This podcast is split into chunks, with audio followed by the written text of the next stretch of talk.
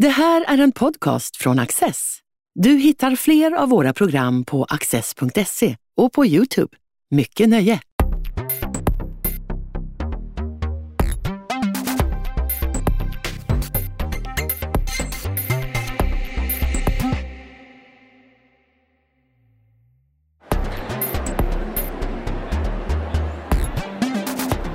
Henriksson har bott i USA sedan 1987 och har bevakat landet för en rad olika svenska tidningar. I sin senaste bok, USAs alla presidenter från Washington till Trump, sammanfattar hon över 300 år av amerikansk historia, skildrad genom presidentämbetet. Hur har deras beslut bidragit till att forma nationen till det den är idag? Karin, idag är USAs president en av världens mäktigaste män. Men så har det inte alltid varit. Nej. Till en början så var presidenterna inte nödvändigtvis alls särskilt eh, mäktiga. I synnerhet inte under långa, långa perioder på 1800-talet. Då var det istället eh, mäktiga kongressledamöter, talmannen och eh, majoritetsledaren i senaten. Och det, idag är de bortglömda, men då tyckte de kanske alla att de hellre ville sitta i kongressen än att bli presidenter. Och de första presidenterna, alltså USA är ju en väldigt fattig nation när den föds. Och det spelar också roll kan jag tänka. Till en början, ja. ja. ja, ja. Det, det, var ju också ett sådär, jordbrukssamhälle naturligtvis, vilket också påverkade de politiska strömningarna i landet under lång tid framöver. Men om vi backar bandet lite till Eh, vad det är som, vad är det för idé som, som USA grundas på så är ju den väldigt radikal för sin tid. Skulle du kunna beskriva den lite? Ja, alltså republiken då, den amerikanska republiken grundades ju som en protest mot den brittiska kungamakten. Eh, den dåvarande kungen Georg den tredje betraktades som en tyrann, en diktator.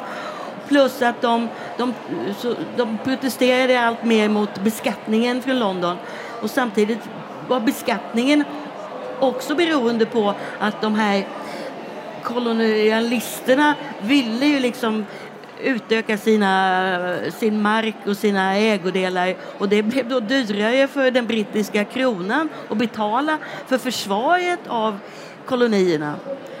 Och sen då allihopa, de här så kallade founding fathers eller landsfäderna, ibland säger man the framers of the constitution, de var alla, nästan alla ska vi säga, mycket välutbildade och de hade studerat eh, demokratiska idéer från antiken och framåt. Och det, eh, de ville testa dem på riktigt och grunda då ett, ett nytt land ett, med en helt ny statsbildning, en helt ny ideologisk grund så att säga. Utan kungahus, utan adel, till skillnad då från Europa. Ja, man vill ju till varje pris undvika att USA blir som Europas kungadömen. Hur speglas det i presidentämbetets utformning så som den beskrivs i konstitutionen? Det speglas ju på det sättet att, att då författningen, grundlagen som är själva grundbulten blir många grunder, men i, i, i, i statsbygget. Där ville man se till att presidenten skulle kunna avsättas. Och det, finns ett, eh, det, det står inskrivet då i författningen med då regler för hur det ska gå till. Men oddsen är från början väldigt, väldigt dåliga när USA grundas. Eh, general George Washington, eh, som sen blir USAs första president, han har en ganska uselt utrustad armé jämfört med britterna. Vad händer sen? Ja, alltså det är jättespännande när man försöker liksom sätta sig in i, i den här tidiga... Det, det var, utspelades under en ganska lång period, 10-15 år. Och det var inte alls alla i, i, i de här kolonierna som ville bryta sig loss från, från England. Så det var också någon slags eh, modern övertalningskampanj att man var, skulle få med sig alla. Och eh, i efterhand har man väl sagt att egentligen borde England ha vunnit. Men att då eh, kolonialisterna de eller de, de, var alltså så angelägna om att vinna och Washington var en skicklig eh, härförare och hade några bra generaler och andra officerare som tänkte strategiskt och några avgörande slag gjorde då att de vann. Precis, man lyckas ju till slut kasta ut britterna. Eh, men problemen är inte slut där. Det är ganska hårda ska vi kalla det falangstrider, eller, eller rätt sagt, det, det är hårda strider om hur konstitutionen ska uttolkas och i förlängningen vilken nation USA ska vara. Till exempel hur stark ska den federala makten vara visavi delstaterna? Och det är ju en debatt som pågår ja, än i våra dagar. Kan du säga någonting om, om det? Ja, alltså för det första så var ju kolonierna sinsemellan ganska olika. De hade grundats eh, av olika typer av människor som hade sökt sig över Atlanten. Och eh, det avspeglades och sen avspeglades då en eh, hård strid, precis som du säger, mellan de som ville ha en stark centralmakt och de som ville att det skulle vara mer lokalt styre ute i delstaterna. Och det var ju flera gånger som det verkligen brände till och det var därför som eh, man var tvungen att, att, att samlas igen efter frihetskriget så att säga för att dra upp eh, grundlagen som skulle vara en tydligare eh, en tydligare mall för hur man skulle styra landet. Och Washington då var för en stark centralmakt, tyckte det var nödvändigt. Medan då andra, som Thomas Jefferson, var mer romantiska och tyckte att det skulle vara lokalt och, och man skulle gärna också komma bort från storstäderna och eh, kommersialismen. Och även det återspeglas ju idag i, i den strid som vi har sett de senaste, ja, sen 2016 i alla fall. Det är så att varannan av de här första presidenterna tidigare, det är så att varannan är för en stark centralmakt och, och den nästkommande är för en, en starka del, del, delstaterna då, eller Ja, precis. Det pågick hela tiden. Ja. Och, Men det blir ju väldigt, eh, det blir väldigt svårt när man ska föra utrikespolitik och ha den här svaga centralmakten. Inte bara utrikespolitiken utan även den ekonomiska politiken och sen hur de skulle handla och sinsemellan och vad de skulle ha för utbyte. Och det var nästan, jag, jag tror att vi som lever idag och som tittar tillbaka kan nog hålla med om att det skulle varit omöjligt och, och inte ha en, en central makt. Men, men, men den här striden pågick som sagt och även när det gäller centralbanken det är till och med idag finns människor som inte tycker att den borde ha någon makt. USA har ganska länge olika valutor. Det tar väl ja. lång tid innan man får en enhetlig, alltså att dollarn blir liksom den enhetliga valutan. De första presidenterna, det är ganska påvra förhållanden. Alltså Vita huset finns inte till en början, utan kommer långt senare.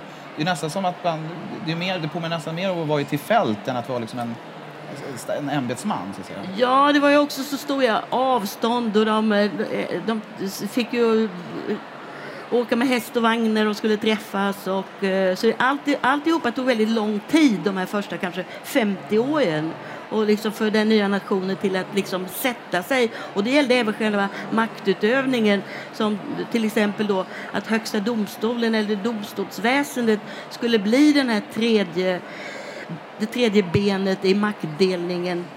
Eh, så det, det tog också några decennier innan det satte sig i början så är presidentämbetet en slags plikt som man gör. Eh, för att sedan så återgår man liksom till det man gjorde innan. George Washington drar ju sig tillbaka till sin farm, är det väl, eller plantage kanske man ska säga. Eh, och det är samma sak för Thomas Jefferson. Eh, det finns någonting sympatiskt över det där kan jag tycka, liksom, ett romantiskt skimmer i det att politiken är inte slutmålet utan det är bara någonting du gör en väldigt begränsad period för att sedan göra ditt riktiga arbete. Det har ju förändrats lite idag kan jag tänka. Precis också att de hade ju eh, en, mer av en... De var ju inte yrkespolitiker så att säga ens när de kom in i politiken. Och då, några av dem stod till och med ner på politiker. Och eh, George Washington varnade ju för partiväsendet och sa vi ska helst inte ha partier för det kommer bli fraktioner som strider mot varandra. Och det gör då att vi inte kan tänka på landets bästa. Och han fick ju lite rätt kan man ju tycka om man ser på USA det kan idag. Man ju säga. Mm. Eh, trots den här idén om frihet och jämlikhet inför lagen, i alla fall om du är ja, vit man, så finns ju en explosiv fråga inbäddad i konstitutionen och det gäller ju ägandet av slavar. Eh, och det här är ju en fråga som plågar nationen länge. Plågar nationen till och med än idag. Och eh, när man tittar då på den här gruppen eh, Founding Fathers så var det väldigt många av dem som faktiskt ägde slavar. Och, man, mm, många, och, och liksom det pågick redan ett ifrågasättande av slaveriet och tanken på att någon skulle kunna äga en annan människa. Men slavägandet var en sån vital del i eh, ekonomin och i de här människornas egen eh, vardagstillvaro. Så de, de sparkade helt enkelt det här framför sig. Och eh, det blev ju då en väldigt dramatisk upp, utlösning 1861 med inbördeskriget. Och vilken president är det då? Då var det Abraham Lincoln som eh, så hade kommit fram till, han var kritisk mot slaveriet men han, det tog ett tag för honom att verkligen komma fram till att det måste avskaffas. Annars, han, han talade om att, att ett söndrat hus kan inte stå kvar och han var den då som hade kraften och viljan att genomföra detta. Och när man talar om då vilka som är sämst presidenter så är ofta James Buchanan nämnd som var eh, Lincolns föregångare. Och han förmådde då inte att bromsa eller lösa den här tvisten som då hade pågått sedan nationens grundande i nästan hundra år. Ja, sklaverifrågan är ju det som nästan får nationen att gå under. Det hade ju kunnat sluta på ett annat sätt. Det hade kunnat sluta på ett annat sätt och eh, det är väl om man drar paralleller då till eh, frihetskriget så är ju det egentligen så skulle ju inte Södern kunna vinna förmodligen men de, de, de, ville ju, de, de kämpade ju verkligt hårt. Så vem vet, med en annan, ja kanske, kanske inte. Men nu så vinner eh, Abraham Lincoln eh, kriget och, och eh, slaveriet avskaffas. Han blir sen mördad vid ett teaterbesök eh, och en ny president tillträder. Det är ett enormt splittrat land. Eh, hur såg den här eh, uppgiften ut för de presidenterna som kom efter honom? Ja, alltså den eh, Lincolns vicepresident som då var demokrat till skillnad från Lincoln som ju var republikan. Han hade, Lincoln hade valt honom, eh, Andrew Johnson, som en slags kompromisskandidat, som en slags gest mot sydstaterna. han kom själv från Tennessee och han var den enda eh, sydstatssenator som hade bestämt sig för att vara kvar i Washington och inte åka hem alltså som de andra gjorde. Men sen när han väl blev president då kom hans rätta jag fram. Då eh, visade han större sympatier för sydstatskraven på att bli av med de här tvång, den här tvångströjan som nordstaterna hade tvingat på sydstaterna. Och det var det det var ett väldigt komplicerat förlopp, men det var det som ledde fram till riksrättsprocessen mot Andrew Johnson. Han verkade dessutom vara en ganska otrevlig person, så det bidrog också. Eh, efter inbördeskriget så sker ju en kraftig expansion västerut. Vad är drivkrafterna bakom det och vilka presidenter är det som, eller vilka, vilka politiska beslut är det som möjliggör detta? Det var ju ofta krig. Krig mot indianerna för att tvinga ut dem. Eh, på ett väldigt brutalt sätt. Och det började i synnerhet med presidenten som heter Andrew Jackson på 1830-talet som också är en av dem som har format själva presidentmakten så att säga. Och sen var det James Polk som man kallar för den bästa av de bortglömda. Han eh, det, detaljerna är lite omstridda, vem det var som eh, attackerade vem först mellan Mexiko och USA. Men eh, med, med, i och med Polks vilja att expandera territoriet så gick man i krig mot Mexiko och så på olika sätt erövrade då ett enormt, ett enormt landområde som gjorde att landets gränser flyttades allt längre västerut och så småningom ända till Stilla havet som var drömmen. Eh, du nämnde Andrew Jackson här, Old Hickory. Han är en ganska färgstark figur. Han verkar inte alltid varit så, så eh, vad säger man, en ganska råbarkad person. Mycket. Han var inblandad i dueller och hade till och med ärr på kinden och efter, eh, efter att ha blivit, eh, eh, han hade blivit attackerad av en brittisk soldat. Han hatade verkligen britterna. Men nej, han var råbarkad, han tålde inga motgångar, han, eh, eller motstånd. Han, han var redo att slåss jämt. Men idag, och det är också en, annan, en intressant sak i historien att presidenterna omvärderas över tid. Och i just hans fall, han var väldigt beundrad. Han satt i två perioder och var då kraftfull och populär. Men idag ser man honom med helt andra glasögon. Då behandlingen av indianerna. Och det faktum att Donald Trump satte upp ett porträtt av Andrew Jackson i Vita huset, i ovala rummet, var inte populärt bland USAs ursprungsbefolkning. De, de såg det som en skymf. En, en, de var kränkta, som vi säger i Sverige. Eh, under senare delen av 1800-talet så byggs det upp enorma förmögenheter i USA. Och i praktiken så skapas, eh, några familjer lyckas eh, skapa monopol bland annat på järnvägen och oljan och med mera. Men det är en president som sätter stopp för detta. Det är Theodore Roosevelt, the trustbuster. Kan du berätta lite om honom? Ja, det är, den folk frågar mig, vilken är din favorit? jag säga. Theodore Roosevelt och Franklin Roosevelt, de var ju då släkt på långt håll. Den ene var republikan, Theodore, eller Teddy som man säger, och den andra är demokrat och FDR. Och, eh, båda kom ju från samma rika familj, förmögna släkt. Men i Roosevelts fall, han, han var väldigt klen som pojke men bestämde sig för, hans pappa för, sa åt honom att du, du måste liksom se till att du blir stark och, och klarar det här i livet. Och det gjorde han. Han gick in för det hela livet. Och eh, han, eh, var, han var cowboytyp, han eh, var krigare, han var väldigt mån om att själv kunna visa att han hade varit modig i strid. Han var ju på Kuba och eh, eh ledde själv ett anfall eh, med sina så kallade Rough Riders som var då ett gäng eh, ja, ett gäng andra som också ville slåss. Panamakanalen byggs väl då? Precis, det var hans dröm och att, att man skulle få den här kanalen eller leden mellan de två haven. Och eh, det, han, han, var väldigt kraftfull och genomdrev alltihopa men han gjorde ett misstag nämligen att säga att han inte skulle ställa upp för en andra period. Och varför gjorde han inte det? Ja, han, jag, jag, vet faktiskt inte. får man kanske kolla. Men han, eh, han hade då suttit i sex år och tror jag ville Eh, han ville att hans vicepresident skulle vinna och fortsätta hans politik. Och istället blev det så att han var väldigt besviken på vicepresidenten och försökte komma igen fyra år senare och då gick det inte. Nej. Men du frågade ändå om, om varför han... Eh, han hade ett socialt samvete. Han såg de här förhållandena ute i fabrikerna.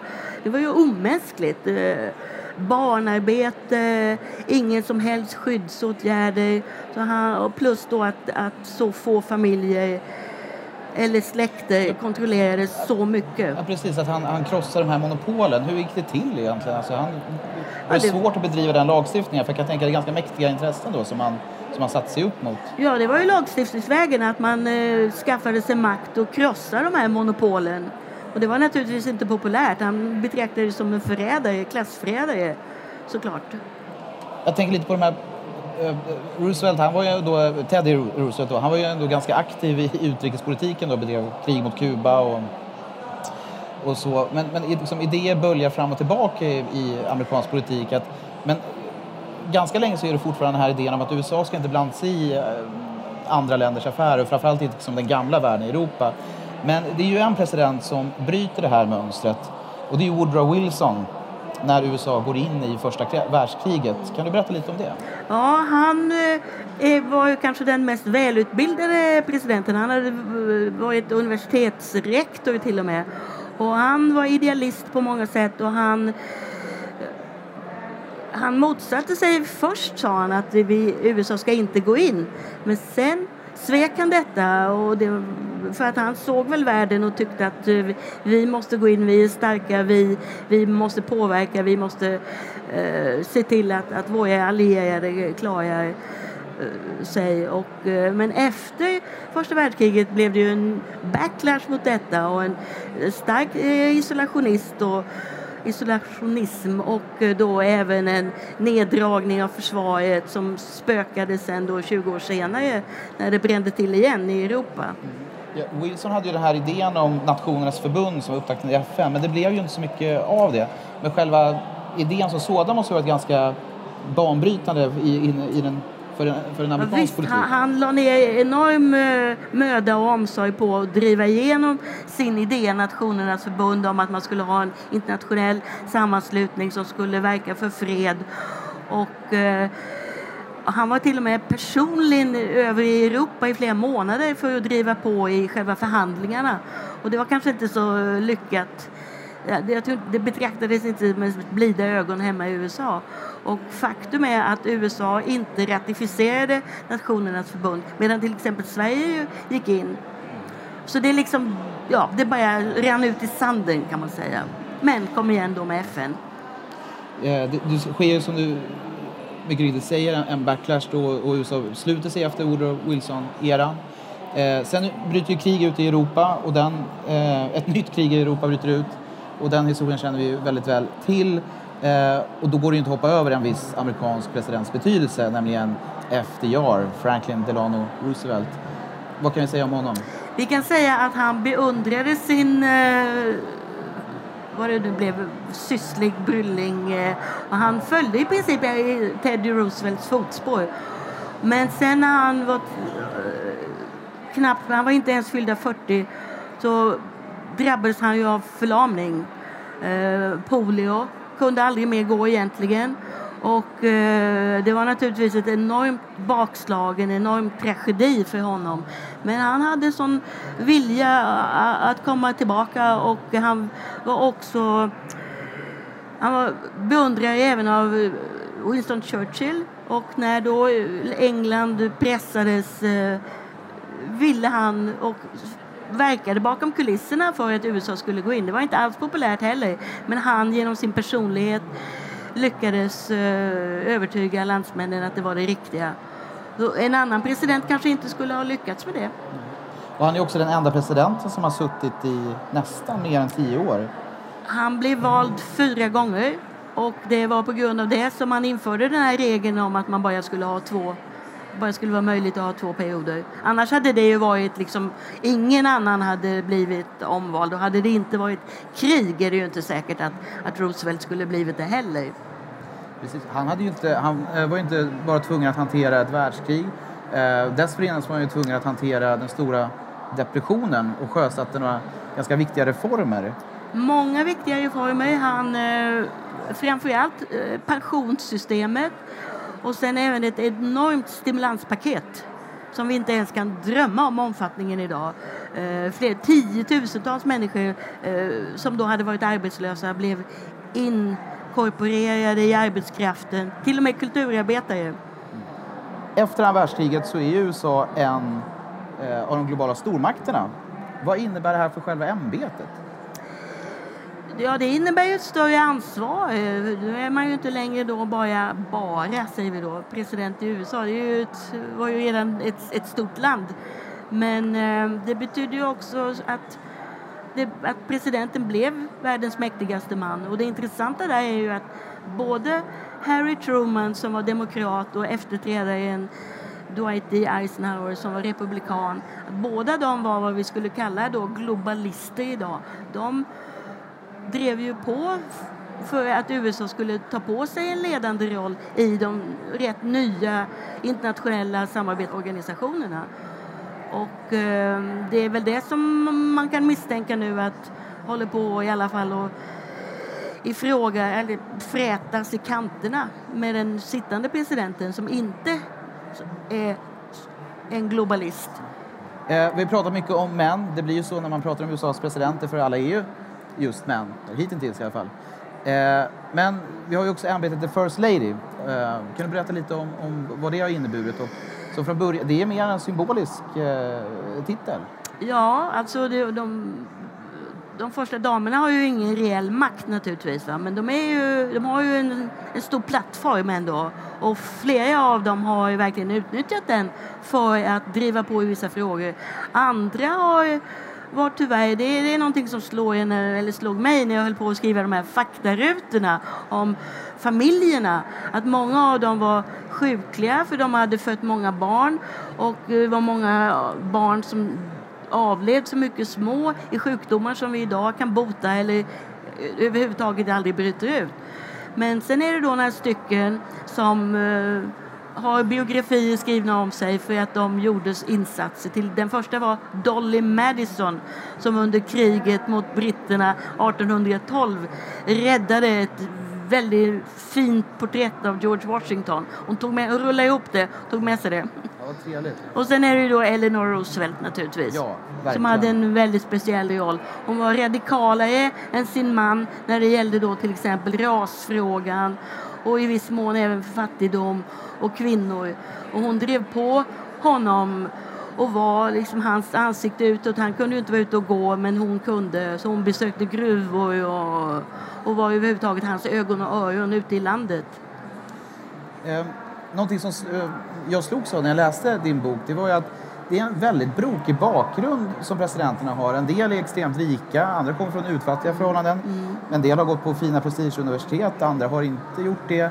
En eh, fördom hos mig, eller hos många, är att de flesta presidenterna kommer från en, en ganska ja, Ja. speciell bakgrund då, eller pri- privilegierad bakgrund. Men det verkar faktiskt inte vara fallet när man läser boken. Nej, det är en bra fråga. Alltså, eh, vi, vi, vi- vi har den idén, men inte ens eh, Barack Obama eller Bill Clinton kommer ju från särskilt privilegierade bakgrunder. Men en av de mer spännande är ju uh, Her, Herbert Hoover som uh, var gruvingenjör, hade blivit rik på gruv, gruvexploatering i andra länder, bland annat Kina. Och uh, han har ju då fått, med rätta kanske, eh, skulden för eh, 30-talsdepressionen. Men om han hade blivit president vid en annan tidpunkt är det möjligt att han skulle gått till historien som en av de bättre för han var väldigt organiserad. Han ville, han, han, hans, hans insatser de viktigaste insatserna han gjorde var kanske när han var handelsminister innan han blev president. Han såg till att standardiseringen verkligen genomfördes i landet, vilket ju är väldigt viktigt. Det tänker man ju inte på kanske, men det är ju en, att alla, ja, allt ska passa ihop från olika tillverkare. Konkurrensen har ju ökat kan man säga. USA är inte längre den dominerande stormakt det en gång var. Men det är fortfarande väldigt mäktigt. Indien kommer, Kina kommer. Eh, men ämbetet lär väl även framöver vara ett av världens mäktigaste, kan vi väl komma överens om. Karin Henriksson, jätteroligt att ha haft dig här. Tack ska du ha. Du har just lyssnat på en podcast från Access. Du vet väl att vi också är en tv-kanal och tidning? Teckna en prenumeration idag på access.se.